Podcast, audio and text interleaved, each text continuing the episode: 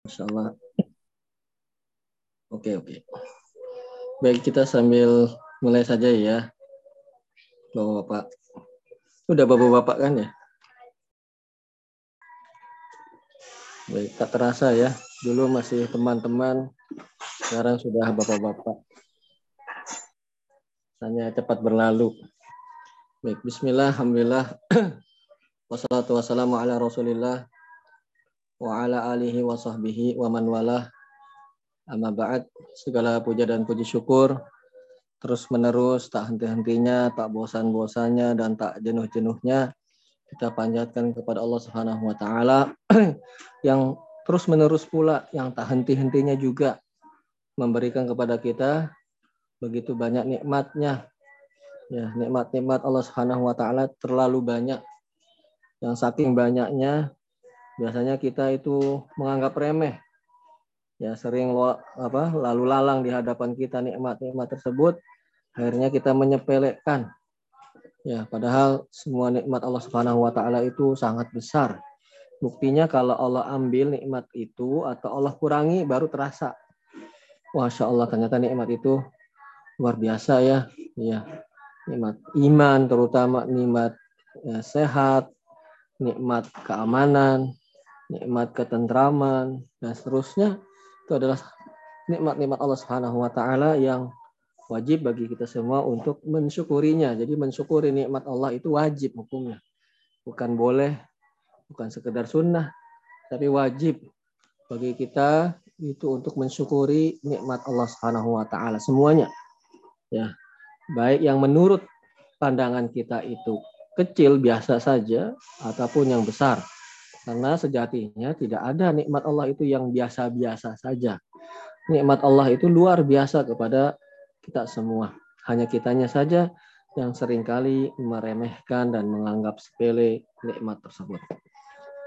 Salawat berserta salam semoga senantiasa tercurah kepada Nabi kita Muhammad Sallallahu Alaihi Wasallam kepada sisi beliau, kerabat beliau, sahabat-sahabat beliau dan orang-orang yang mengikuti mereka dengan baik. Alhamdulillah pada pertemuan kali ini dan insya Allah pertemuan-pertemuan selanjutnya semoga Allah mudahkan kita akan membacakan suatu buku ringkas ya yang berjudul kalau bahasa Arabnya Al-Qawaid Al-Arba. Al-Qawaid artinya kaidah-kaidah, Al-Arba artinya empat maksudnya empat kaidah kaidah. Ya, itu judul asli dari uh, buku yang kita baca. Ya. Buku ini walaupun ringkas ya hanya beberapa halaman saja bukunya. Akan tetapi di dalamnya dijelaskan kaidah-kaidah itu kalau bahasa kitanya rumus ya. Atau cara mengetahui empat hal empat rumus ya untuk mengetahui hakikat apa itu tauhid dan apa lawannya yaitu kesyirikan. Jadi dengan empat rumus ini, dengan empat kaidah ini, ya seorang diharapkan dia bisa memahami hakikat dari tauhid dan memahami hakikat dari lawan dari tauhid tersebut yaitu kesyirikan. Nah, buku ini sebagaimana biasanya buku-buku yang lain itu dimulai dengan mukaddimah ya. Ada mukaddimah sebelum masuk kepada inti pembahasan utamanya. Nah, sebelum lagi mukaddimah kita akan eh, apa namanya sampaikan bahwasanya buku ini ditulis oleh Syekh Syekh Muhammad bin Abdul Wahab rahimahullahu taala. Ya, Syekh Muhammad bin Abdul Wahab rahimahullah taala. Beliau adalah seorang ulama ya, ulama besar ya yang berkat dari uh, kemudahan dari Allah Subhanahu wa taala, kemudian setelah itu dari dakwah beliau maka alhamdulillah ya terbentuklah kerajaan Saudi Arabia. Jadi ya negara Saudi Arabia atau kerajaan Saudi Arabia itu cikal bakal terbentuknya salah satunya ya selain pertama tentu saja karena Allah Subhanahu wa taala yang memudahkan hal tersebut. Yang keduanya setelah itu ya adalah jasa dari dakwah beliau rahimahullahu taala. Ya, dulu ya. Walaupun sekarang Saudi itu mengalami degradasi ya semakin kemari semakin ada banyak hal yang kita apa namanya turut prihatin begitu ya. Tetapi di awal-awal dari terbentuknya negara ini, kerajaan ini adalah salah satunya sangat terinspirasi ya. Maka the founding father-nya negara tersebut adalah Syekh Muhammad bin Abdul Wahab ini yang uh, bukunya akan kita baca ini. Inilah the founding father-nya. Atau tokoh utama dalam terbentuknya negara Saudi Arabia. Tapi bukan itu yang kita inginkan. Bukan uh, kenegaraannya itu bukan, tetapi adalah apa yang beliau dakwahkan. Itu intinya. Ya karena dakwah tauhid yaitu senantiasa terus berlangsung. Mau terbentuk suatu komunitas ya yang mereka semua berpegang teguh terhadap tauhid ataupun tidak terbentuk suatu komunitas maksudnya terbentuk suatu negara kerajaan dan seperti hal tersebut maka dakwah tauhid terus berlangsung berjalan. Ya adapun itu bonus ya dianggap bonus saja. Hanya alhamdulillah suatu negeri suatu tempat itu satu komunitas itu mereka menginginkan untuk berpegang teguh terhadap uh, ketentuan dari Allah Subhanahu wa taala maka itu adalah keutamaan yang Allah Subhanahu wa taala berikan. Ya. Nah, tadi kita sampaikan penulis buku ini adalah Syekh Muhammad bin Abdul Wahab. Ya, yang saya sampaikan perlu sampaikan di sini ada beberapa uh, pihak gitu ya yang yang berapa namanya bersakwa sangka terhadap beliau ya sehingga mendiskreditkan beliau dan dakwah yang beliau lakukan gitu ya. Dicap dengan mungkin sering kita dengar namanya ya, sekarang sekarang ini disebut dengan Wahabi. Ya Wahabi. Itu perlu diketahui bahwasanya Nah, Wahabi sebelum beliau it, atau ada jenis atau ada kelompok lain yang um, Abdullah bin Khurtum itu. Ya, kelompok lain yang juga disebut dikenal dengan Wahabi. Yang memang uh, ideologi atau keyakinan kelompok ini itu adalah Khawarij ya. Ya, memiliki pemahaman Khawarij. Khawarij nanti kalau kita bahas tentang tauhid dia punya sebuah ideologi yang mempunyai keyakinan-keyakinan tertentu. Ya. Dan itu disematkan kepada beliau rahimahullah taala. Padahal itu dua hal yang berbeda. Dua orang yang berbeda. Ya, Syekh Muhammad bin Abdul Wahab ya dengan tadi kelompok Wahabi tadi. Tapi memang disematkan kepada uh, Syekh Muhammad bin Abdul Wahab ini ya punya tujuan tentu saja di balik itu itu agar orang itu takut dan lari dari dari beliau dan apa karangan-karangan beliau. Tapi kalau kita mau jujur, mau objektif, ya baca saja buku beliau. Adakah dalam buku-buku beliau rahimahullah taala yang mengarah kepada pemahaman-pemahaman ya yang yang apa menyimpang? Maka ya buku yang telah kita bahas sebelumnya kita Abu kita lihat ya yang isinya ya ayat Al-Qur'an, hadis Nabi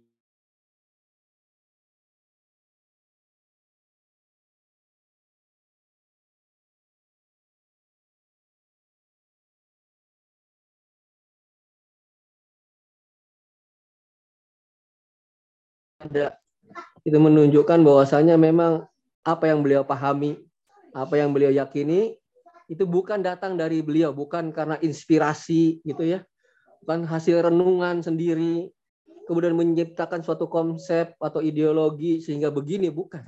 Ya, itu mencontoh para ulama sebelumnya. Ya, dan dijelaskan dalil-dalilnya di sana. Demikian pula nanti eh, apa namanya? buku yang akan kita baca ini. Beliau sertakan dalilnya. Itu salah satu ciri khas dari tulisan-tulisan beliau rahimahullah taala. Ada dalil-dalil yang menjelaskan apa yang beliau sampaikan. Itu menunjukkan bahwasanya apa yang disampaikan itu memiliki dasar hukum. Ya, bukan rekayasa ya, bukan yang lainnya tetapi memiliki memang landasan hukum. Nah, itu tentang buku-buku beliau. Di masa beliau hidup, ya ini sekilas ya mengetahui tentang penulis ya sehingga kita bisa lebih menghayati lagi tulisan-tulisan beliau. Ketika beliau hidup, uh, suasana tatkala itu, keadaan tatkala itu adalah banyak terjadi kesyirikan di sana. Oleh karenanya tulisan-tulisan beliau, ya karya-karya beliau banyak atau mayoritasnya membahas tentang permasalahan tauhid dan kesyirikan. Karena memang ketika beliau semasa beliau itu hidup, itulah yang uh, mendominasi kehidupan masyarakat. Ya, padahal itu di negeri sekarang yang disebut dengan Saudi Arabia. Dulunya nggak seperti ini. Jauh itu dulunya dari hal ini. Walaupun sekarang sudah mulai menjauh juga, tetapi dulunya lebih jauh lagi. Ya. Nah, tulisan-tulisan beliau rahimahullah taala membahas seputar itu tema-temanya. Mayoritasnya, bukan berarti semuanya tulisannya tentang tauhid dan syirik saja ya. Dan beliau ada tentang sirah, tentang sejarah, tentang fikih dan yang lainnya. Tetapi mayoritas tulisan-tulisan beliau, sebagaimana buku yang kita akan baca ini, membahas tentang tauhid. Ya, jadi itu sekilas tentang penulis buku ini. Jadi dia adalah salah satu founding father-nya kerajaan Saudi Arabia yang yang sampai sekarang ini masih ada alhamdulillah. Baik, dan buku-buku beliau ini di Saudi Arabia tentu saja ya uh, menjadi uh, salah satu kurikulum pendidikan di sana, terutama dalam masalah agama, menjadi apa namanya rujukan-rujukan utama yang dibahas di pengajian-pengajian di masjid-masjid di pertemuan pertemuan-pertemuan di apa namanya daurah itu di pelatihan-pelatihan ya buku-buku beliau sudah tersebar begitu uh, banyaknya dikaji, ditulis, dibahas, diseminarkan dan seterusnya dan seterusnya. Dibuat menjadi salah satu kurikulum ya atau buku panduan utama dalam kuliah, dalam sekolah ya. Di sana permasalahan-permasalahan seperti ini bukan sesuatu yang yang yang masih belum banyak diketahui bukan. Ya, sudah dipelajari sejak dini, sejak sekolah dasar ya akidah-akidah salaf, para sahabat, akidah-akidahnya salaf, ahlu sunnah wal jamaah, dipelajari. Nah, kita akan buktikan nanti, eh, bapak-bapak yang dirahmati Allah Subhanahu wa Ta'ala, apakah buku-buku beliau ini kan banyak tuduhan terhadap beliau, suka mengkafirkan lah eh, orang-orang Islam, suka inilah, suka memberontak, menjadi cikal bakal teroris lah, menjadi cikal bakal apa, uh, khawarij lah. Nanti kita baca ya Eh, klaim-klaim tersebut apakah benar? Kalau kita baca kitab tauhid yang kemarin saja. Coba bagaimana? Ada di sana mengkafirkan kaum muslimin? Tidak. Dijelaskan tentang tauhid betul, tauhid dan lawannya kesyirikan. Itu tidak mengkafir-kafirkan, ya, justru banyak apa? Banyak berita itu berkembang sering kali tidak sesuai dengan faktanya. Maka kita akan baca buku ini ya, dengan objektif saja ya, nggak memihak ataupun tidak memusuhi objektif aja nanti akan menilai bagaimana uh, beliau ini dan bagaimana apa yang dituduhkan kepada beliau rahimahullah taala. Ya baik kita mulai bukunya kita baca mukaddimahnya dulu ya sebelum masuk ke dalam inti pembahasan sebelum masuk kepada empat kaidah empat apa rumus dalam memahami tauhid dan kesyirikan. Kau beliau mengatakan rahimahullahu taala ya. Bismillahirrahmanirrahim. Ya, sebagaimana tulisan beliau dan tulisan para ulama ada nggak di buku kita di layar itu ada Bismillahnya nggak? Ya? Nggak ada ya. Ya. Beliau memulai biasanya dan sebagaimana kebiasaan para ulama memulai tulisannya dengan Bismillahirrahmanirrahim. Ya, di dalam lafat Bismillahirrahmanirrahim itu terkumpul tiga nama Allah. Ini belum masuk ya Bapak-bapak yang dirahmati Allah.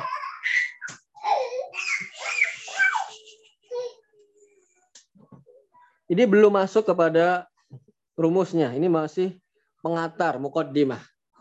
Beliau menulis Bismillahirrahmanirrahim. Dalam lafadz Bismillah itu ada tiga nama Allah Subhanahu Wa Taala di sana. Yaitu pertama nama Allahnya yaitu Allah, lafadz Allahnya itu satu. Yang kedua Ar-Rahman yang Maha Pengasih kalau kita terjemahkan dan yang ketiga Ar-Rahim ya Maha Penyayang kalau kita terjemahkan. Maka nama Allah Subhanahu wa taala yang terdapat dalam lafaz basmalah tersebut yaitu Allah. Ya, lafaz Allah sebagaimana perkataan Ibnu Abbas radhiyallahu anhuma bahwasanya dimaksud dengan nama Allah itu adalah Zul Uluhiyah wal Ubudiyah ala khalqihi ajmain. Itu nggak ada di, di, di buku yang kita sedang baca ya, ini tambahan. Yang dimaksud dengan Allah adalah pemilik uluhiyah. Uluhiyah itu apa sih? Pemilik peribadahan. Ya, berarti semua jenis ibadah itu hanya ditujukan kepada Allah Subhanahu wa taala saja. Ya, karena nama atau lafat Allah artinya zul uluhiyah. Zul uluhiyah maksudnya apa? Zul ibadah, pemilik zul ubudiyah, pemilik ibadah. Ya. Berarti semua jenis ibadah itu hanya ditujukan kepada Allah saja. Dan tidak boleh ditujukan salah satu jenis dari ibadah-ibadah mana pun saja itu kepada selain Allah. Kedua, ya, Ar-Rahman. Ar-Rahman yang maha pengasih kalau diterjemahkannya. Ar-Rahman ini Bapak-bapak yang dirahmati Allah Subhanahu wa taala adalah diambil dari sifat Ar-Rahmah. Ar-Rahmah itu rahmat, ya. Jadi kalau Ar-Rahman artinya apa? Ar-Rahman itu kalau kita belajar bahasa Arab namanya sigoh mubalagoh. Ya. Dia sifat yang yang lebih itu namanya sirah mubalaghah. Ar-Rahman yang maha sangat banget memiliki sifat rahmat. Nah, kalau kita mau uh, jelaskan apa adanya atau makna apa adanya gitu. Yang sangat memiliki sifat rahmat yang luar biasa. Nah, kalau kalau kita terjemahkan letter luck-nya gitu ya. Atau kalau kita terjemahkan biasanya kalau di dalam Al-Qur'an kan yang maha pengasih. Maksudnya itu. Dia adalah yaitu Allah adalah sang pemilik sifat rahmat yang begitu luar biasanya sifat tersebut. Penyayang banget sekali di luar batas itu namanya nah, itu Ar-Rahman yang, mem, yang maha memiliki itu. Itu namanya Ar-Rahman. Kemudian si nah, apa namanya nama Allah yang lain dalam lafaz basmalah adalah Ar-Rahim. Ya, yang maha apa? Ar-Rahim kalau diterjemah maha pengasih lagi maha penyayang. Ya, Ar-Rahim itu Bapak yang dirahmati Allah Subhanahu wa taala. Yang dimaksud dengan Ar-Rahim adalah ketika rahmat yang Allah miliki tadi yang luar biasa itu ketika Allah berikan kepada makhluknya itu nama Allah tatkala itu adalah Ar-Rahim. Ya.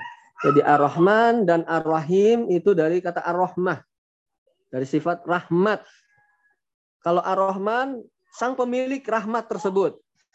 Itu Ar-Rahman namanya Allah. Ketika rahmat itu diberikan kepada makhluknya, nama Allah tatkala itu adalah Ar-Rahim. Nah, itu bedanya Ar-Rahman dengan Ar-Rahim. Kalau kita terjemahkan kan yang maha pengasih lagi penyayang kan kesannya apa bedanya gitu ya. Nah, maka kita ketahui kalau ketika Allah memiliki sifat rahmat yang begitu luar biasanya, itu Allah disebut Ar-Rahman. Ya, nama Allah. Dan tatkala Allah memberikan sifat rahmat tersebut kepada makhluknya, itu disebut dengan ketika itu nama Allah adalah Ar-Rahim. Nah, ini adalah tiga nama Allah Subhanahu wa taala yang terdapat dalam lafaz basmalah. Allah itu sendiri lafaz uh, nama uh, nama Allah Subhanahu wa taala. Kemudian nama Allah yang kedua Ar-Rahman, nama ketiga Ar-Rahim. Itu dari lafat basmalah. Dan perlu diketahui kenapa para ulama sering kali memulai tulisan tulisan mereka dengan lafat ini, dengan bismillah. Paling tidak ada beberapa sebab. Yang pertama, sebabnya adalah mencontoh Al-Qur'an. Ya. Para ulama mencontoh Al-Qur'an. Kalau kita buka Al-Qur'an itu dari surat apa ya? Pertamanya. Surat apa Bapak-bapak? Kalau kita buka Al-Quran tuh dari kanan apa dari kiri ya? Ayat pertama dalam Al-Quran itu apa? Surat, surat pertama, surat pertama dalam Al-Quran apa? Al-Fatihah. Al-Fatihah ya. Ya, karena ada terutama orang-orang yang baru masuk Islam ya, membuka Al-Quran biasanya dari mana? Seperti buka buku biasa ya. Dari mana sih bukanya? Kiri. Dari kiri ya. Kalau dari kiri surat yang pertama apa? Anas. Anas, tapi bukan maksudnya. Surat yang pertama bukan dari kiri, dari kanan. Buka Al-Quran kan, sebagaimana kita ketahui. Buka Al-Quran itu surat pertama Al-Fatihah. Ayat pertamanya atau yang pertama kali, yang masih diperselisihkan itu apakah ayat dalam Al-Fatihah atau bukan. Yang pertama kalau kita buka sebelum Al-Fatihah apa? Sebelum Alhamdulillahirabbil alamin lafaz Bismillah. Bismillahirrahmanirrahim. Oleh karena itulah para ulama mencontoh Al-Qur'anul Karim karena ketika kita membuka Al-Qur'an ya, pertama kali dari pertama dari awal, maka yang kita dapati adalah lafaz basmalah. Bismillahirrahmanirrahim. Oleh karena sebab ini, satu sebab ini, para ulama biasa menulis tulisan-tulisan mereka mengawalinya dengan tulisan Bismillah. Bismillahirrahmanirrahim. Yang pertama. Sebab yang kedua, kenapa para ulama di antaranya ini, Syekh Muhammad bin Abdul Wahab rahimahullah ta'ala, menulis atau membuka risalah beliau ini, ya kalau di lafat teks Arabnya didului dengan Bismillah memulainya dengan bismillah. Kedua, selain mencontoh Al-Qur'an adalah mencontoh Rasulullah wasallam. Karena beliau sallallahu alaihi wasallam tatkala membuat tulisan-tulisan beliau, bukan beliaunya menulis ya, karena beliau tidak menulis. Ketika menulis surat misalnya atau perjanjian, beliau tulis dengan lafaz bismillah. Contohnya dalam hadis Bukhari panjang hadisnya yang kisah tentang beliau mengirim surat kepada Kaisar Romawi. Ya, beliau tulis awalnya Bismillahirrahmanirrahim. Assalamu ala man al huda. Keselamatan bagi orang yang mengikuti hidayah, petunjuk. Beliau mulai surat-surat beliau ya, tulisan-tulisan beliau, surat-surat beliau itu dengan basmalah. Ya, minimal dua ini ya.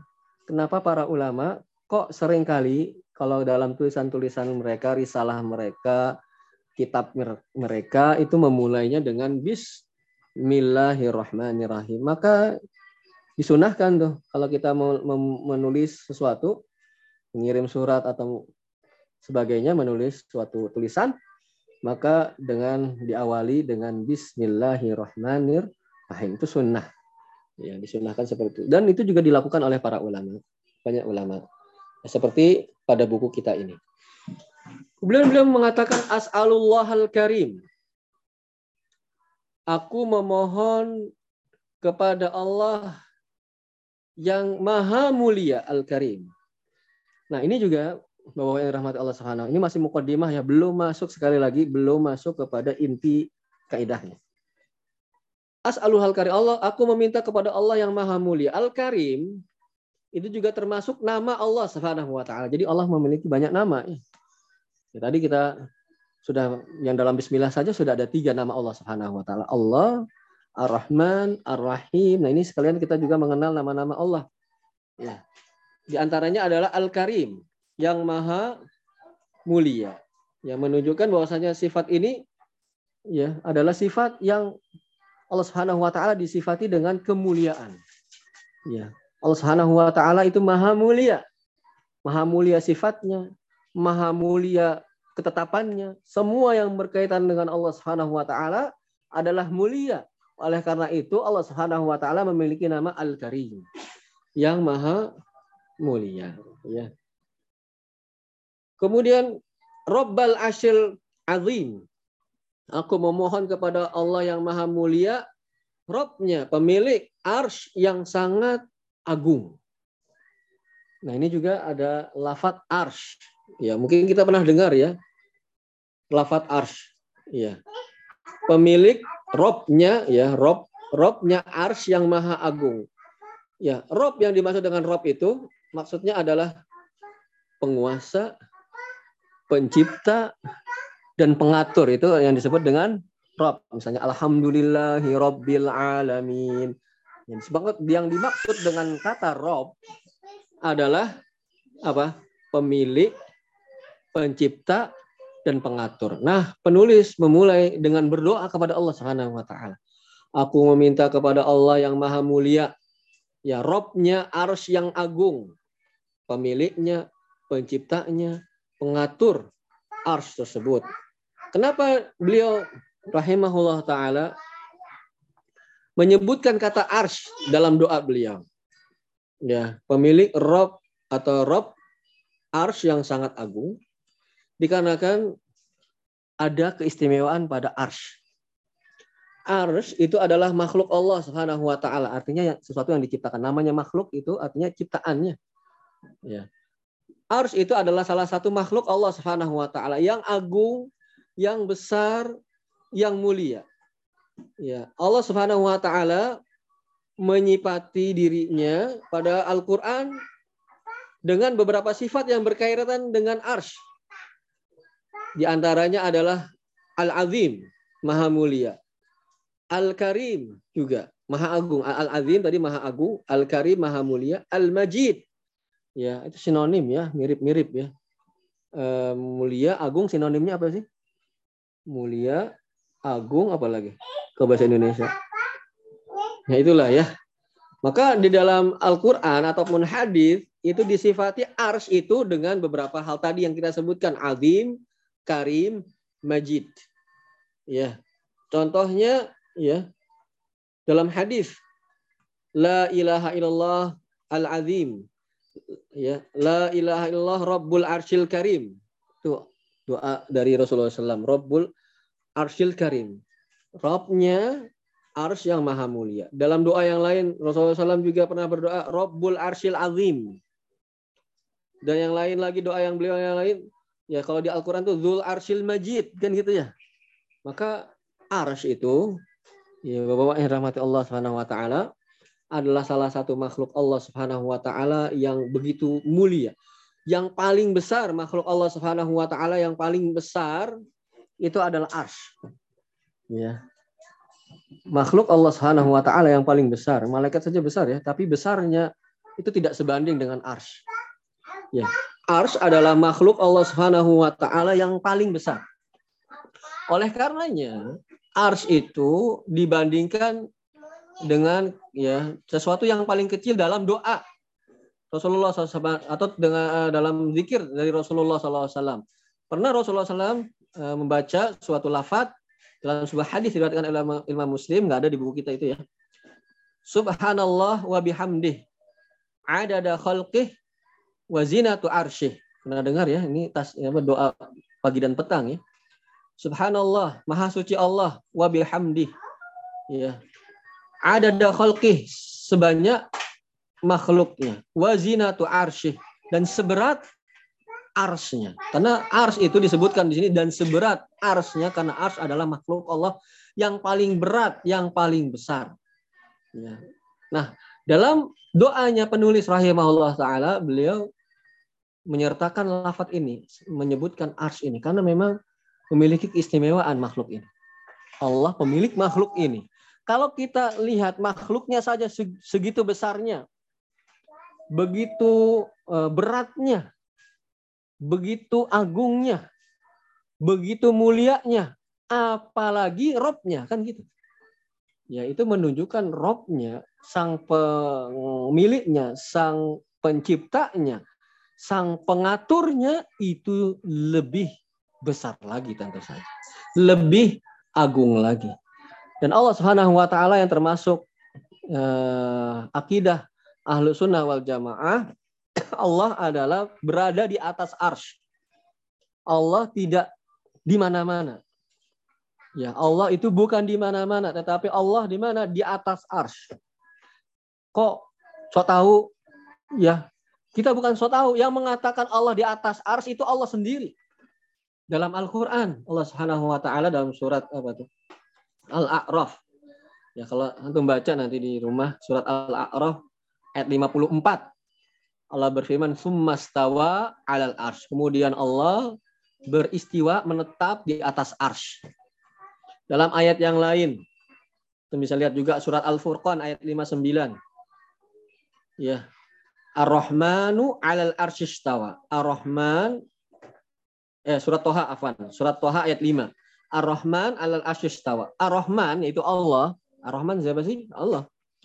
Alal arsyistawa beristiwa, menetap di atas ars. Itu Allah sendiri yang bilang.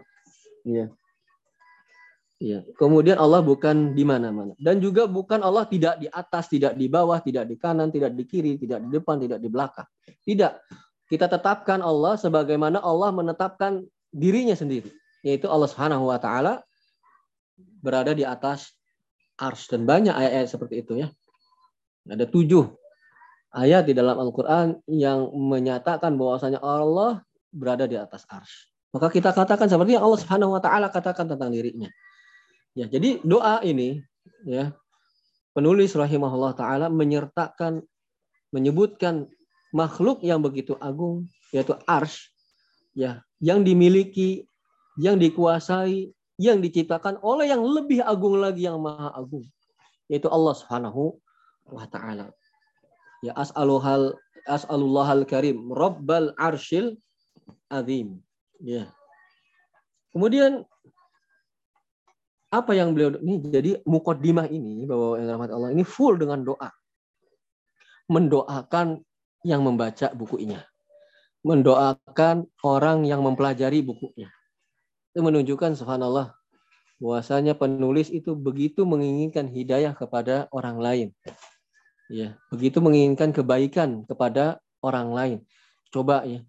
Nanti kita hitung nih, ada berapa doa pada mukaddimahnya. Bukan satu, bukan dua, bukan tiga beliau berdoa. Mendoakan orang yang membaca bukunya, mendoakan orang yang mempelajari buku beliau. Ya, Tadi as'aluhal karim rabbal arsyil azim. An yatawallaka fid dunya wal akhirah. Nah, ini doa yang pertama ya, kita hitung. An yatawallaka agar Allah melindungimu fid dunya wal akhirah. Di dunia dan di akhirat. Ya, ini doa yang pertama. Agar kita itu dilindungi oleh Allah Subhanahu wa taala. Ya, Dilindungi di mana? Dilindungi di dunia ini dan dilindungi di akhirat. Allah Subhanahu wa taala adalah salah satu atau adalah satu-satunya pelindung yang hakiki bagi kita semua. Tidak ada pelindung yang hakiki melainkan hanya Allah Subhanahu wa taala. Terlebih-lebih lagi orang-orang yang beriman. Pelindung mereka, pembela mereka yang hakiki ya adalah Allah Subhanahu wa taala. Oleh karenanya Allah Subhanahu wa taala berfirman, nggak ada di buku kita ya ini semua penjelasannya. Allah Subhanahu wa taala berfirman dalam surah Al-Baqarah ayat 257 Allahu waliyul ladina amanu. Allah adalah penolongnya, pelindung orang-orang yang beriman. Jadi ini didoakan oleh penulis rahimahullah agar Allah melindungi kita di dunia dan juga melindungi kita di akhirat. Kalau melindungi di dunia gimana sih Allah melindungi seorang hamba di dunia? Allah berikan petunjuk kepadanya. Allah berikan taufik. Allah berikan penjagaan dari terjerumus ke dalam perbuatan-perbuatan yang dilarang oleh Allah Subhanahu wa taala. Ini didoakan. Ya, kalau bahasa kitanya nih, semoga Anda yang baca wahai para pembaca buniman, itu Allah Subhanahu wa taala jaga di dunia. Ya Allah Subhanahu wa taala bimbing di dunia agar tidak terjerumus kepada semua yang dilarang oleh Allah. Itu secara tidak langsung didoakan. Kemudian bukan hanya di dunia saja, di akhirat juga didoakan oleh penulis rahimahullah taala. Ya, semoga Allah melindungimu, menjagamu nanti di akhirat. Gimana penjagaan Allah di akhirat? Allah Subhanahu wa taala bebaskan dia dari dari azab di akhirat kelak. Allah selamatkan dia dari neraka. Allah Subhanahu wa taala masukkan ke dalam surga. Itu adalah ya cara Allah Subhanahu wa taala melindungi, menjaga kita di akhirat. Nah, ini didoakan oleh penulis. Semoga Allah melindungi menjagamu di dunia ini dan di akhirat. Ya. Kemudian itu doa yang pertama ya. Kemudian setelah itu apa? Wa an yaj'alaka mubarakan aina makunta. Ini doa yang keberapa berarti? Doa yang kedua ya. Dua buah doa. Doanya apa? Menjadikanmu diberkahi di mana pun kamu berada. Ya wahai pembaca Pak yang budiman, wahai Dokter Yayan, Bapak Rifai, Bapak Endik, Bapak Umam, Semoga bapak-bapak ini ya dijadikan Allah orang yang diberkahi di mana pun bapak-bapak berada. Itu doa yang kedua itu. Ini belum masuk pada hmm, apa namanya pembahasan inti, baru mukaddimah. Sudah dua ya yang kita hitung. Iya. Jadi apa sih berkah itu? Ya. Semoga diberkahi gitu. Apa sih yang dimaksud dengan berkah? Berkah itu dari bahasa Arabnya bar barokah kalau bahasa Arabnya. Nggak bukan berkah nggak ada be itu. Bahasa Arab itu nggak ada be. Barokah. Barokah itu diambil dari mana sih? Dari kata birkah. Birkah itu artinya sumber air atau sumur gitu ya. Itu artinya birkah. Sumur atau sumber air birkah. Nah itu kan terus ya air itu mengalir terus ya. Gitu. Nah yang dimaksud dengan barokah adalah kebaikan yang sangat banyak. Itu namanya berkah. Nah semoga Allah menjadikan kamu memiliki kebaikan yang sangat banyak di mana pun kamu berada, Anda berada. Dan tidaklah seseorang itu dikatakan berkah membawa berkah kecuali dia memberikan kebaikan kepada orang lain. Ketika seseorang itu wah berkah nih ya adanya kamu nih. Maksudnya apa berkah itu?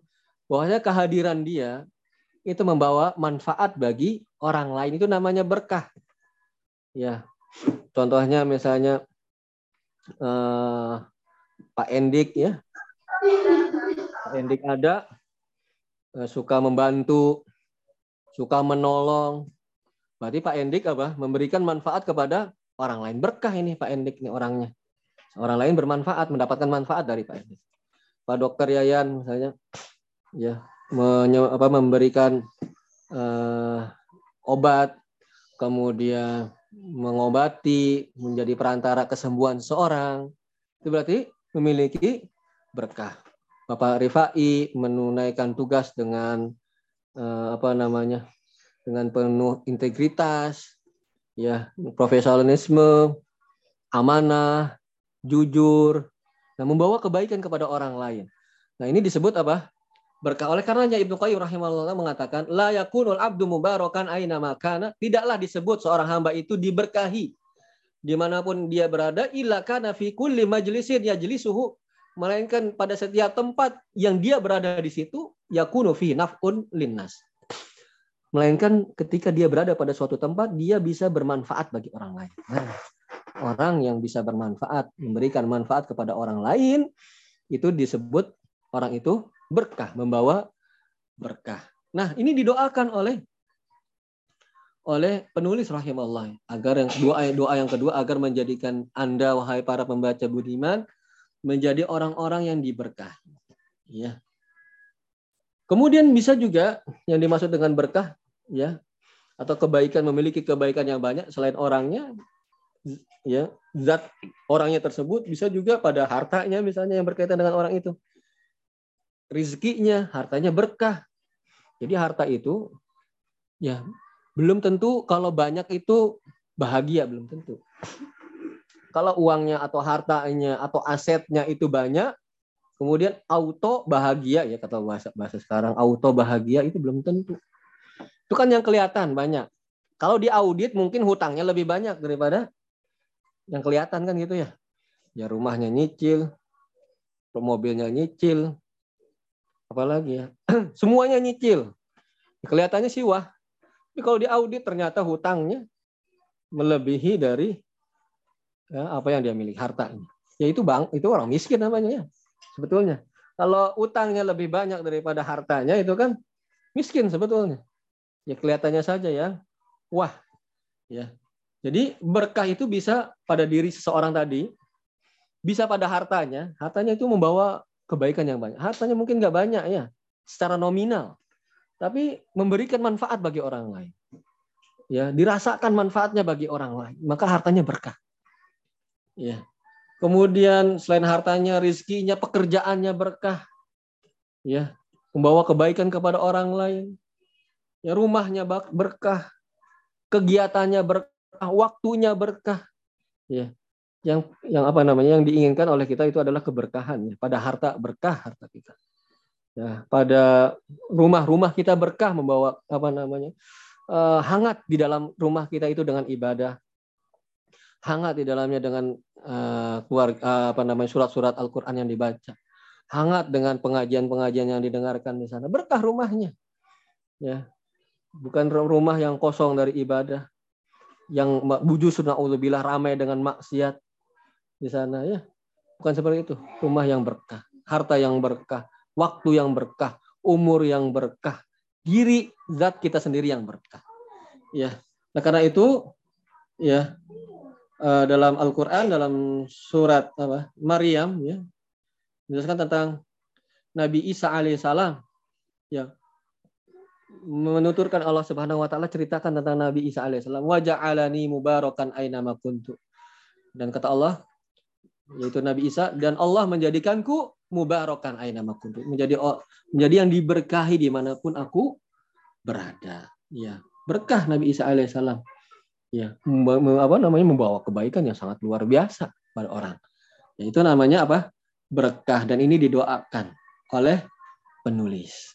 Sudah doa-doa ya Kemudian setelah itu, itu berkah ya. Ini belum masuk uh, pembahasan loh. Wa an yaj'alaka mimman idza utiya syakara dan semoga Allah, aku memohon kepada Allah maksudnya agar menjadikan engkau wahai pembaca termasuk orang-orang yang apabila diberi bersyukur. Ini doa yang keberapa berarti? Bapak Rifai? Udah ketiga, Ustaz. Yang ketiga, ini belum masuk loh. Sebelum pernah nggak Bapak-bapak mm, mau mendengarkan sebuah pengajaran ya atau guru lah. Belum mulai belajar didoain. Banyak doanya. Pernah belum? Ya itu belum itu jarang kalaupun ada ya. Ini beliau belum masuk kepada intinya sudah doa doa duluan. Ini baru kita hitung baru udah tiga. Ya bukan tiga nanti banyak. Ini belum masuk. Ya itu menjadikan apa menjadikan engkau apabila engkau diberi engkau bersyukur. Itu yang ketiga. Kemudian wa wa idza betul ya sobaro dan semoga Allah menjadikan engkau apabila diuji bersabar. Doa yang keberapa berarti? Bapak Endik? Ya, betul. Yang keempat. Ya, yang berapa? Ya, betul. Saya wakilkan ya jawabannya. Betul, yang keempat. Ya, dan semoga Allah menjadikanmu apabila diuji menjadi bersabar. Ini masya Allah doa-doa yang sekarang beliau sampaikan ini luar biasa doanya. Yang pertama menjadikan engkau apabila diberi bersyukur, apabila diuji bersabar itu yang keempat. Kemudian seterusnya wa idza aznaba istaghfar dan aku memohon kepada Allah menjadikan engkau jika engkau berdosa, terjerumus kepada dosa, istighfar. Engkau beristighfar kepada Allah. Itu doa yang keberapa? Bapak-bapak? Doa yang kelima. Yang baru lima, udah lima ini.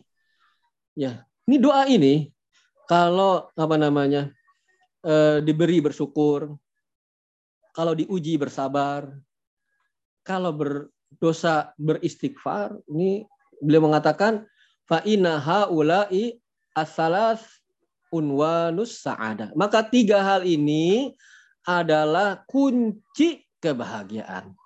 Sebagaimana orang bilang bahagia itu sebetulnya sederhana. Ya, nggak, nggak, mesti, nggak mesti harus wah, nggak mesti harus mewah. Eh, apa namanya apa bahagia itu ya. Nah bahagianya versi seorang mukmin yang mudah, yang simple, ya yang sederhana itu kalau diberi mendapatkan nikmat, bersyukur. Kalau mendapatkan musibah, bersabar. Kalau berdosa, beristighfar. Itu konsep kebahagiaan bagi seorang mukmin. Mendapatkan nikmat, dia bersyukur. Mendapatkan musibah, dia bersabar. Ketika dia bermaksiat, dia beristighfar. Ini adalah kunci kebahagiaan atau tanda apa namanya hal-hal yang penting untuk meraih kebahagiaan yaitu dengan sederhana ini, sesederhana ini. Dan kalau kita perhatikan bahwa yang dirahmati Allah Subhanahu wa taala memang keadaan orang ini setiap kita nih kalau kita lihat, kita pikirkan, kita renungkan diri-diri kita sendiri itu tidak lepas dari tiga keadaan ini. Bergulir dari satu keadaan kepada keadaan yang lain yang tidak lepas dari tiga hal ini kita bisa apa namanya kalau kita renungi kita mendapatkan nikmat ya diberi, mendapatkan keluasan, mendapatkan kelapangan, ya, ya itu kita maka harusnya harusnya, nah ini yang sering kali kita tidak lakukan adalah bersyukur. Ya itu keadaan yang pertama. Kemudian kan nggak terus nggak selamanya kita dari dulu itu senang terus ya diberi terus. Kadang-kadang suka apa? Susah kan gitu. Mendapatkan musibah kita pasti itu diri manusia itu nggak ada yang senang terus nggak ada. Yang susah terus juga nggak ada. Pasti suatu saat dia akan mendapatkan nikmat, kemudahan. Terus kita juga pasti berdosa namanya orang. Pasti berdosa ya. Nah, tiga hal ini adalah konsep kebahagiaan bagi seorang mukmin. Sederhana. Dan inilah yang Rasulullah SAW takjub. Ditakjubkan oleh Rasulullah SAW keadaan-keadaan seperti yang kita sebutkan itu pada diri seorang mukmin. Seorang yang beriman itu semua keadaannya baik. Senangnya baik, susahnya baik. Kayaknya baik, miskinnya baik. Sehatnya baik, sakitnya baik. Semua keadaan seorang mukmin seandainya dia menyadari itu baik karena semua keadaannya menghantarkan dia tetap mendekatkan diri kepada Allah Subhanahu wa taala. Mau senang, mau susah dia tetap berada dalam eh, ketakwaan kepada Allah Subhanahu wa taala. Kalau senang bersyukur, taat syukur dan wajib hukumnya bersyukur. Ketika susah bersabar dan bersabar pun wajib hukumnya, bukan sunnah, bukan boleh. Jadi kalau kita musibah itu ya boleh sabar, boleh enggak bukan. Wajib hukumnya bersabar. Ya. Ah, kata Rasulullah SAW dalam sebuah hadis diriwayatkan oleh Imam Muslim ajaban lil amril mukmin. Begitu menakjubkannya perkara seorang mukmin. Inna amrohu kullahu khair. Semua keadaannya baik. Ya, seorang mukmin itu baik semua. In asobahu sarro syakaro. Kalau dia diberikan kelapangan, kemudahan, dia bersyukur. Fakana khairon lahu. Itu yang terbaik bagi dirinya. Wa in asobat huddoro sobaro. Apabila dia diberikan kesusahan, kesempitan, dia bersabar fakana khairon lahu. Itulah yang terbaik bagi dirinya. Walaisa wala yakunu dzalika ila lil mu'min dan tidak terjadi hal itu kalau ber, diteri, diberi bersyukur dikasih ujian bersabar enggak terjadi hal ini kata Rasulullah melainkan hanya pada diri seorang mukmin. Nah, kalau kita bisa menjadikan diri kita orang yang bersyukur tatkala diberi nikmat, bisa bersabar tatkala diuji, berarti kita benar-benar seorang seorang yang beriman. Kata Rasulullah walaisa wala yakunu tidaklah terjadi hal itu melainkan pada diri seorang yang beriman. Nah, kalau kita mau benar-benar the real ya, the real apa? The real mukmin begitu ya. Ya. Itu ada hal ini. Kalau diberi bersyukur, kalau diuji bersabar. Kalau enggak ya fake kita. Ya, fake mukmin. Ya. Jadi Bapak-bapak yang dirahmati Allah Subhanahu wa taala ini keadaan keadaan seorang yang menginginkan kebahagiaan. Kemudian tadi keadaan yang ketiga adalah ketika berdosa dan pasti kita katakan namanya manusia, pasti ya sedikit atau banyak, cuman beda-beda ya. Sedikit atau banyak dia pasti melakukan dosa. Nah, orang-orang yang bertakwa itu bukan orang yang nggak pernah berbuat dosa. Orang yang bertakwa bedanya dengan orang yang tidak bertakwa. Kalau mereka berbuat dosa, mereka segera bertaubat, mengingat Allah, beristighfar kepada Allah. Walladzina idza fa'alu fahishatan aw dzalamu anfusahum zakarullah wastaghfaru lidzunubihim kata Allah. Dan orang yang bertakwa itu ciri-cirinya dan orang-orang yang apabila terjatuh ke dalam perbuatan fahisyah keji, perbuatan dosa auzalamu anfusahum atau menzolimi diri-diri mereka sendiri zakarullah dia mereka segera mengingat kepada Allah wastaghfaru lidzunubihim dan meminta ampun dari dosa-dosa mereka. Terus gimana kalau namanya manusia tadi kita telah ketahui ya suka berbuat dosa. Kemudian kalau kalau orang berdosa ya bertaubat kan gitu ya. Istighfar itu salah satu bentuk tobat ya. Beristighfar, mohon ampun. Nah, gimana kalau habis itu dosa lagi? Atau yang dikatakan oleh sebagian orang tobat apa? Tobat apa sih yang tobat terus maksiat lagi, tobat maksiat lagi, tobat apa namanya? Tobat sambel. Iya, tobat itu sambel ya. Gimana kalau seorang itu tobatnya tobat sambel diterima enggak ya? Maka kita katakan diterima. Masya Allah itu Allah itu maha pemurah, maha penyayang ya. Dia berdosa, dia tobat lagi, dia dosa lagi, dia tobat lagi diterima terus tobatnya tuh. Subhanallah. Tetapi yang perlu diingat nanti ya kan cara tobat itu ada tiga ya. Tidak dikatakan seorang bertobat melainkan ada tiga hal pada dirinya. Pertama, ya pertama orang itu anadem namanya. Anadem itu menyesal. Dia menyesali perbuatan yang dilakukan. Bukan biasa-biasa aja. Kalau melakukan apa namanya maksiat, kemudian dia minta ampun, tapi dia biasa-biasa saja. Ya karena mungkin setelah terus-terusan dia lakukan ya hal yang dilakukan terus-menerus kan akhirnya apa ya? Seperti biasa kan gitu. Nah, kalau dia merasa biasa-biasa saja tidak sah taubatnya. Harus dia menyesal terhadap perbuatan dosa yang dilakukan. Itu ada penyesalan. Astagfirullah, aduh ya Allah, kenapa ini saya kok gini ya Allah. Kalau biasa-biasa ah, karena udah sering gitu ya. Nah itu nggak nggak nggak sah tobatnya. Pertama an-nadam, menyesal. Kedua al-azm, Al-azam itu tekad ya, bertekad untuk enggak mengulangi lagi. Ya Allah udah, saya nggak mau deh kayak gini lagi deh. Al-azam, dia sudah bertekad menguatkan dirinya untuk tidak lagi mengulangnya. Kemudian yang ketiga al-ikla, meninggalkan maksiat tersebut. Enggak dikatakan bertobat sambil melakukan maksiat, ya Allah saya bertobat. Terus tapi maksiatnya lagi dilakukan, sedang dilakukan. Ya tidak sah tobatnya. Gimana sih ini orang? Ya, ya Allah misalnya saya nggak mau lagi deh berbohong. Tapi sambil dia bohongin orang. Dia bilang gitu saya nggak mau ya Allah bohong tapi sambil kelakuannya atau perbuatannya membohongi orang. Itu kan maaf maaf ya ada kelainan itu kan gitu ya. Nah tidak dikatakan kecuali orang yang mengumpulkan tiga syarat ini disebut dengan tobat. Tadi anna dan menyesal al azam bertekad kuat untuk tidak mengulanginya lagi kemudian al ikla segera dia apa meninggalkan perbuatan dosa itu yang enggak jangan ngomong tobat tapi sedang dilakukan gitu ya. Nah, kalau tiga hal ini ada pada diri seorang, maka yang bertobat maka diterima tobat. Nah, adapun nanti kalau sudah tiga ini eh suatu waktu kejadian lagi, maka diterima tobatnya selama ada tiga hal tadi. Ketika kejadian lagi dia lagi banyak salah lagi Allah kenapa ini kayak gini lagi? Allah enggak lagi deh ya Allah enggak mau mau lagi. Ya Allah udah deh cukup. Saya maksiat kepada Allah. Aduh gimana kalau lagi pas maksiat mati? Dia udah kemudian dia meninggalkan itu. Diterima lagi tuh. Kalau dia ngulang lagi ternyata diterima lagi asal jujur. Ya Allah tahu ya maha tahu kalau orang mungkin nggak tahu ya ngaku-ngaku atau uh, menunjukkan hal-hal yang seolah tidak tiga hal tadi ada padahal tidak ada. Tapi Allah Subhanahu wa taala Maha tahu.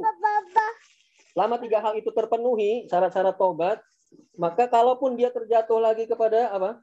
Maksiat lagi diterima lagi tuh tobatnya apa landasannya? Apa landasan hukum ya? Yang menunjukkan kok kayak gitu? Ya, tobat sambal jangan tobat sambal nggak diterima. Tidak kita katakan diterima itulah maha pengampunnya Allah Subhanahu wa taala dalilnya atau landasan hukumnya adalah sebuah hadis yang diriwayatkan oleh Imam Muslim. Waduh, nggak tanggung-tanggung, hadisnya sahih. Riwayat Imam Muslim. Hadisnya berbunyi, ya ini Allah Subhanahu wa taala mengisahkan tentang seorang hambanya yang yang yang tobatnya tobat sambel. Adnaba abdun zamban kata Allah dalam sebuah hadis hadis qudsi berarti ya. Ya, hadis yang perkataan Allah Subhanahu wa taala. Seorang hambaku, kata Allah, seorang hamba itu dia terjatuh kepada perbuatan dosa. Fakol dia berdoa kepada Allah, Allahumma gfirli dambi. Ya Allah, ampunilah dosaku ya Allah. Dia berdoa kepada Allah. Begitu dia dia bermaksiat kemudian dia tobat ya minta ampun kepada Allah. Ya Allah, ampuni dosa saya ya Allah. Maka Allah mengatakan, Aznab, aznaba abdi zamban. Ada seorang hambaku yang berdosa, kata Allah. Fa'alima annahu lahu rabban yakfiru adzamba wa ya'khudhu bidzambi. Dia tahu, dia sadar bahwasanya oh, dia memiliki Rob, memiliki apa namanya Allah memiliki Tuhan yang mengampuni dosa, yang bisa mengampuni dosa dan juga bisa menyiksa seseorang karena dosa. Dia tahu, dia sadar itu. Dia menyadari Allah itu maha pengampun, bisa diterima taubat. Dia juga tahu bisa jadi enggak. Ya karena Allah Subhanahu wa taala bisa apa namanya? bisa uh, mengampun apa menghukum seseorang diakibatkan dosa. Ya, jadi terserah Allah ya. Allah itu mau mengampuni itu kehendak Allah atau Allah hukum seorang pelaku karena dosanya itu kehendak Allah. Dia sadar itu. Ya. Suma ada kemudian dia lakukan lagi tuh. Berdosa lagi. Ya. Sudah berbuat dosa kemudian bilang minta ampun kepada Allah. Dia sadar bahwasanya dia memiliki Tuhan yang mengampuni dosa dan juga bisa menyiksa seorang karena dosa. Kemudian dia lakukan lagi kedua kalinya. Dosa yang seperti itu atau dosa yang lain ya. Ya Kemudian fa'adzaba faqala ay rabbi ighfirli dzambi ya Allah ampuni dosaku ya Allah. Maka Allah mengatakan lagi seperti yang dikatakan sebelumnya, abdi adzama dzamban, seorang hambaku berdosa, fa'alima anna lahu rabban yaghfiru dzamba wa ya'khudhu bidzambi. Dia sadar dia memiliki Allah yang bisa mengampuni dosa dan juga bisa menghukum seseorang karena dosa. Summa ada, kemudian balik lagi, fa'adnaba, Begitu lagi kata Allah Subhanahu wa taala tatkala ketiga kalinya mal masyikta faqad ghafartu lak. Lakukan apa yang kau inginkan, aku sudah ampuni engkau. Jadi selama seseorang itu terpenuhi syarat-syarat taubat yang tiga tadi, kemudian pada satu saat dia berdosa lagi, maka Allah akan ampuni lagi. Dia lakukan lagi, tapi dia benar-benar ya dia syarat taubatnya itu bukan bohong-bohongan ya. Kemudian dia berbuat dosa lagi, kemudian dia tobat lagi, diterima oleh Allah Subhanahu wa taala, subhanallah. Ya, tapi syaratnya itu harus terpenuhi dengan jujur. Dengan benar ya. Kita bisa saja kalau membohongin orang kan, tapi bohongin Allah siapa yang bisa? Syaratnya tadi nyesal, benar-benar nyesal. Ya. Kemudian apa? Bertekad kita nggak mau ngulang lagi. Kemudian kita tinggalkan maksiat tersebut. Ya. Nah, itu selama tiga hal ini terpenuhi dan benar-benar jujur, kemudian kalau itu kejat, apa, terjatuh lagi, maka Allah kemudian dia beristighfar lagi ya dan memenuhi syarat taubat lagi, maka akan terus diterima oleh Allah Subhanahu wa taala. Itu Masya Allah. Coba kalau udah sekali aja habis gitu nggak ada ampun. Pokoknya cukup ya kuotanya sekali. Aduh, repot juga ya orangnya. Gitu ya. Oleh karenanya eh, seorang itu perlu menyadari bahwasanya Allah Subhanahu wa taala Maha Pengampun. Oh, subhanallah. Itulah maha kasih sayang Allah Subhanahu wa taala kepada hambanya. Ya, Allah bukakan pintu maaf yang seluas-luasnya. Allah bukakan jalan seluas-luasnya kepada surga. Ya, tetapi ya tragisnya kita lebih senang untuk membinasakan diri-diri kita sendiri. Ya, untuk ketaatan itu kan banyak yang gratisan ya untuk taat itu. Tapi ya susah orang itu ya untuk uh, menuju ke sana kan ya ngaji ada yang gratisan, ya belajar bahasa Arab gratisan, kemudian apalagi mungkin ketaatan tuh gratis ya, mayoritasnya gratis lah. ya, yang itu dari Allah itu gratis ya kadang-kadang tapi kalau dari kita misalnya haji ya kan gratisan sebetulnya tapi kan perlu biaya perlu apa ibadah itu mayoritas gratisan tapi orang kok udah gratisan malas gitu ya maksiat itu luar biasa ya ada yang maksiatnya harus mengeluarkan banyak biaya kan gitu ya untuk maksiatnya. Ya per jam maksiat berapa sekarang Bapak-bapak per jam itu? Ada yang tahu nggak? Ya alhamdulillah nggak tahu ya berarti ya. Kalau tahu patut dicurigai. Dulu mah 300-an, 300 itu kalau itu quick apa namanya itu quick apa ya istilahnya tuh. Ya itulah istilahnya ya, tidak perlu diketahui. Ya itulah. Kalau long apa long shift ya. Short short apa tuh istilahnya dulu? Short trip ya. Sama long trip. Tuh, kalau short trip sekian ya, kalau long trip sekian ya, begitu ya Bapak-bapak ya. Betul nggak? Ya, alhamdulillah berarti enggak. Ya, untuk maksiat itu mengeluarkan begitu banyak biaya, tenaga, susah gitu ya.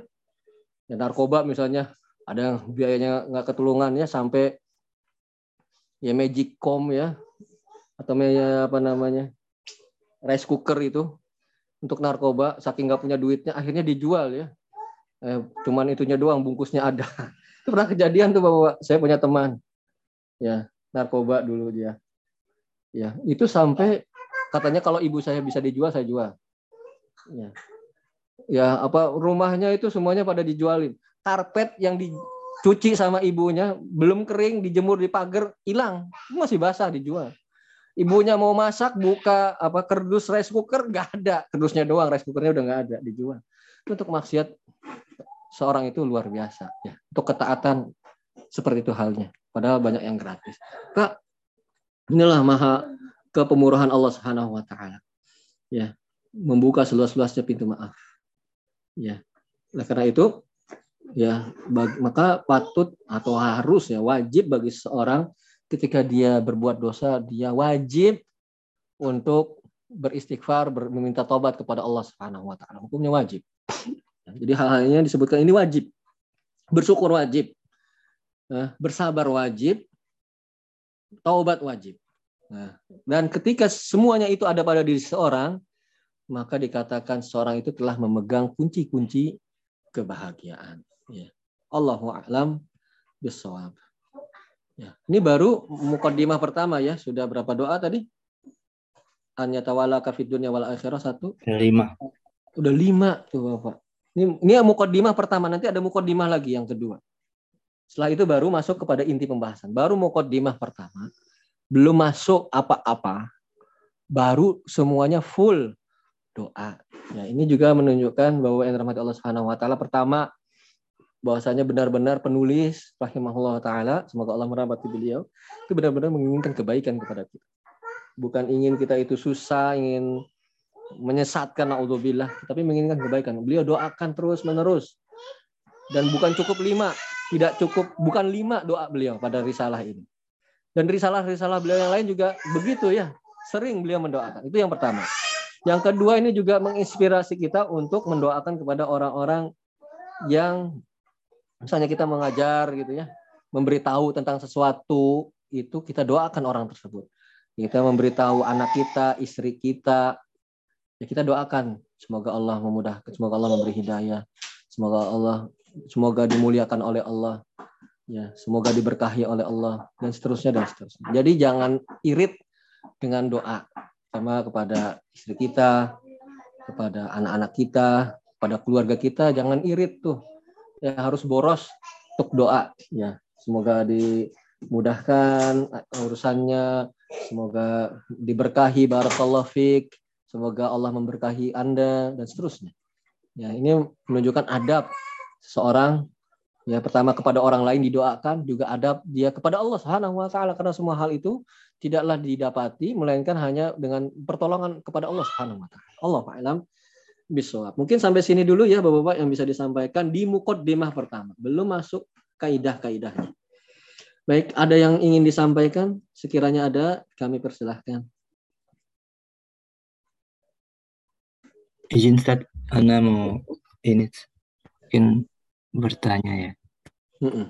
Tadi apa namanya mukodima ini kan kebanyakan doa Ustaz ya. Mm -mm.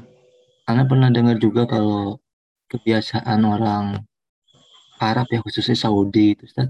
Hmm. Kalau bertemu orang itu ketika pertama kali bertemu kan kalau kita kan kalau ketemu sama orang cuman gimana kabarnya ngapain sibuk apa gitu kan tapi kalau orang Saudi katanya kalau ketemu sama orang tuh lebih banyak doakan dulu Ustaz ya semoga hmm. untuk ini semoga ini semoga begitu lama hmm. panjang berdoa mendoakan kawannya itu yang baru bertemu baru dia bertanya hmm. uh, percakapan yang lain gitu apa benar hmm. seperti itu?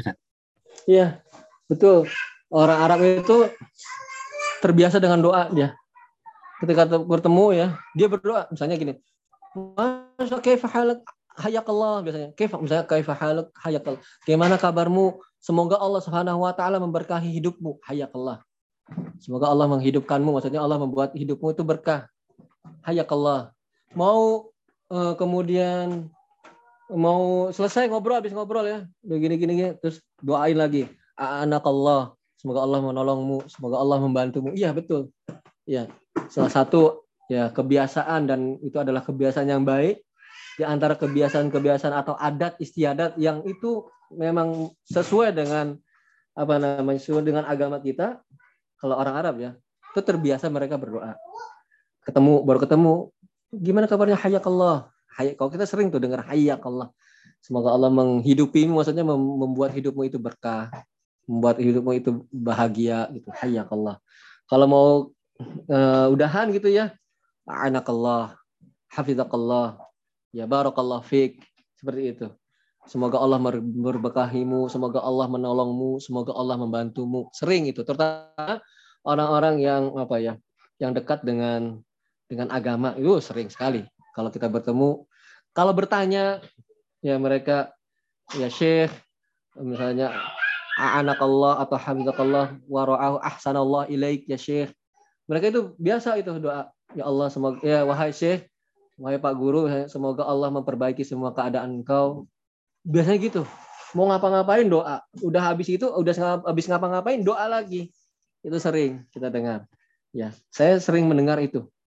Ya, sering sering mendengar kalau ketemu orang Arab itu itu tuh pas kita udahan dia doain ah, anak Allah ya akhi. Semoga Allah menolongmu hai ya sahalallahu umurak. Semoga Allah memudahkan urusanmu. Itu sering itu kita dengar. Aduh kayak itu ternyuh juga kita ya. Habis ngobrol kok habis pisahan ya bukan. Udah ya yuk udahan dulu. Assalamualaikum. Nggak gitu saja. Nah itu betul. Terutama yang saya temui kan karena memang orang-orang yang dekat dengan agama ya tapi kalau orang awamnya saya nggak tahu. Tapi yang sering dengar yaitu dari mereka itu seperti itu. Terutama orang-orang yang memang dekat dengan agamanya. Ya itu. Sering berdoa. Sering mendoakan. Itu merupakan adat yang sesuai dengan memangnya selaras dengan syariat kita. Itu perlu di, di apa lestarikan seperti itu. Yaitu pertama yang jarang kita temukan di di kita gitu ya, berdoa baru baru ketemu doain, pas udah selesai doain lagi itu jarang. Ya belum apa namanya terlalu apa ya, ya bukan alim banget gitu ya. Enggak kalau mereka biasa gitu. Itu yang pertama, kebiasaan mereka. Kedua, memuliakan tamu luar biasa. Memuliakan tamu orang Arab itu luar biasa. Benar ya. Eh, kambing itu kalau ada tamu bisa jadi kambing disembelih satu untuk tamunya. Itu pertama. Kedua, keluarga keluarganya yang kita datangi itu nggak akan makan sebelum tamunya selesai makan. Subhanallah. Jadi yang dihidangkan itu untuk tamu itu sebenarnya kalau sisanya itu baru dimakan sama keluarganya itu. Subhanallahnya ya. Saya nggak tahu kalau orang-orang yang sudah terpengaruh dengan dengan tradisi di luar mereka ya. Kalau orang-orang yang merekanya itu seperti itu. Jadi kalau kita benar-benar dijamu, itu makanannya banyak dan kita itu nggak akan bisa ya. Kalau orang Indonesia ya, nggak akan bisa makan semuanya. Dan jangan dimakan semua, karena itu itu sisanya untuk si apa si keluarganya dia nggak makan tuh keluarganya istrinya misalnya kita ber, berkunjung ke teman kita laki-laki nih itu sisanya baru dimakan istrinya anak-anaknya yang di rumah itu baru makan nanti selesai sisa dari apa yang kita makan Subhanallahnya. Jadi semuanya disodorkan. Kalau kita kan kalau untuk kamu kadang-kadang irit gitu ya. Eh jangan jangan dikasih itu kan untuk ini sih ini untuk bapak untuk ini. Oh enggak mereka taruh semua tuh. Nah itu salah satu apa ya ini sebagai ini ya wawasan misalnya. Selain tadi doa misalnya memuliakan tamu itu luar biasa mereka. Kemudian apalagi ya banyak ya hal-hal yang merupakan kebiasaan mereka itu selaras dengan apa dengan syariat Islam. Di antaranya itu yang yang saya rasakan menonjol itu itu doa dan juga memuliakan tamunya luar biasa. Ya, doif itu benar-benar subhanallah sangat luar biasa sekali. Mungkin itu Bapak Rifai betul jadi doa salah satunya yang sering.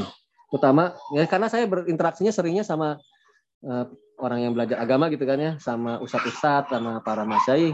Jadi yang saya tahu dari mereka begitu. Kalau orang-orang awamnya saya tidak banyak berinteraksi. ya tidak banyak berinteraksi. Tapi benar mereka itu subhanallah seperti itu mudah mudah berdoa ya. Baru ketemu, selesai ketemu. Oh, itu mantap tuh. Subhanallah ya. Kita kayaknya ya lah inilah perlu ya. Baru bertemu dengan siapa, berdoa semoga dimuliakan oleh Allah. Sudah selesainya juga berdoa, didoakan lagi seperti itu. Itu doa yang umum seperti apa sih kalau kita mau mempraktekkan Ustaz? Gimana? Kalau kita mau mempraktekkan seperti itu doa yang biasa kita sampaikan apa sih? Kalau mereka biasanya kalau ketemu hayakallah. Hayakallah. Hayakallah semoga Allah memberkahi hidupmu. Hayakallah. Kalau selesai biasanya mereka doanya a'anakallah. A'anakallah. A'ana itu artinya menolong. Kamu. Allah, Allah. Semoga Allah menolongmu. A'anakallah. Gitu. A'anakallah. Kalau di sela-sela itu biasanya barokallah fik. Barokallah fik ya Semoga Allah memberkahi wahai saudaraku. Dan gitu. Biasanya dia hayakallah kalau ketemu. Kalau selesai berpisah mau berpisah, a'anakallah. Semoga Allah menolong, memudahkan urusanmu. Gitu. Allah ma'ala. Ada lagi Bapak-Bapak? Ini juga bapak-bapak yang lain nih. Contohnya yang bekerja ketemu konsumen ya. Uh, Pak dokter doakan Pak Bu semoga Allah memudahkan ya, semoga disembuhkan ya. Bantu saya dengan doa ya. Nah, seperti hal tersebut. Ya, ini salah satu pembiasaan juga yang baik. Gitu. Allah alam Baik Bapak-bapak, kalau ini kita akan teruskan lagi ya masih mukodimah yang kedua nanti. Habis mukaddimah yang kedua, setelah itu baru masuk ke inti pembahasan kita. Ya, mudah-mudahan bisa bermanfaat. Semoga Allah Subhanahu wa taala memudahkan urusan kita semua. Semoga Allah Subhanahu wa taala mempertemukan kita nanti di akhirat di dalam surganya. Allahu a'lam bishawab. Terima kasih Bapak yang sudah sudi kiranya ya Pak Umam dan semuanya yang sudi kira-kiranya untuk bisa meluangkan waktu di antara waktu-waktu yang ada. Kami sangat berterima kasih dan mudah-mudahan Allah membalasnya dengan kebaikan. Allahu a'lam bishawab. Subhanakallahumma wa bihamdika asyhadu an la ilaha illa anta astaghfiruka wa Wassalamualaikum warahmatullahi wabarakatuh. Waalaikumsalam warahmatullahi wabarakatuh.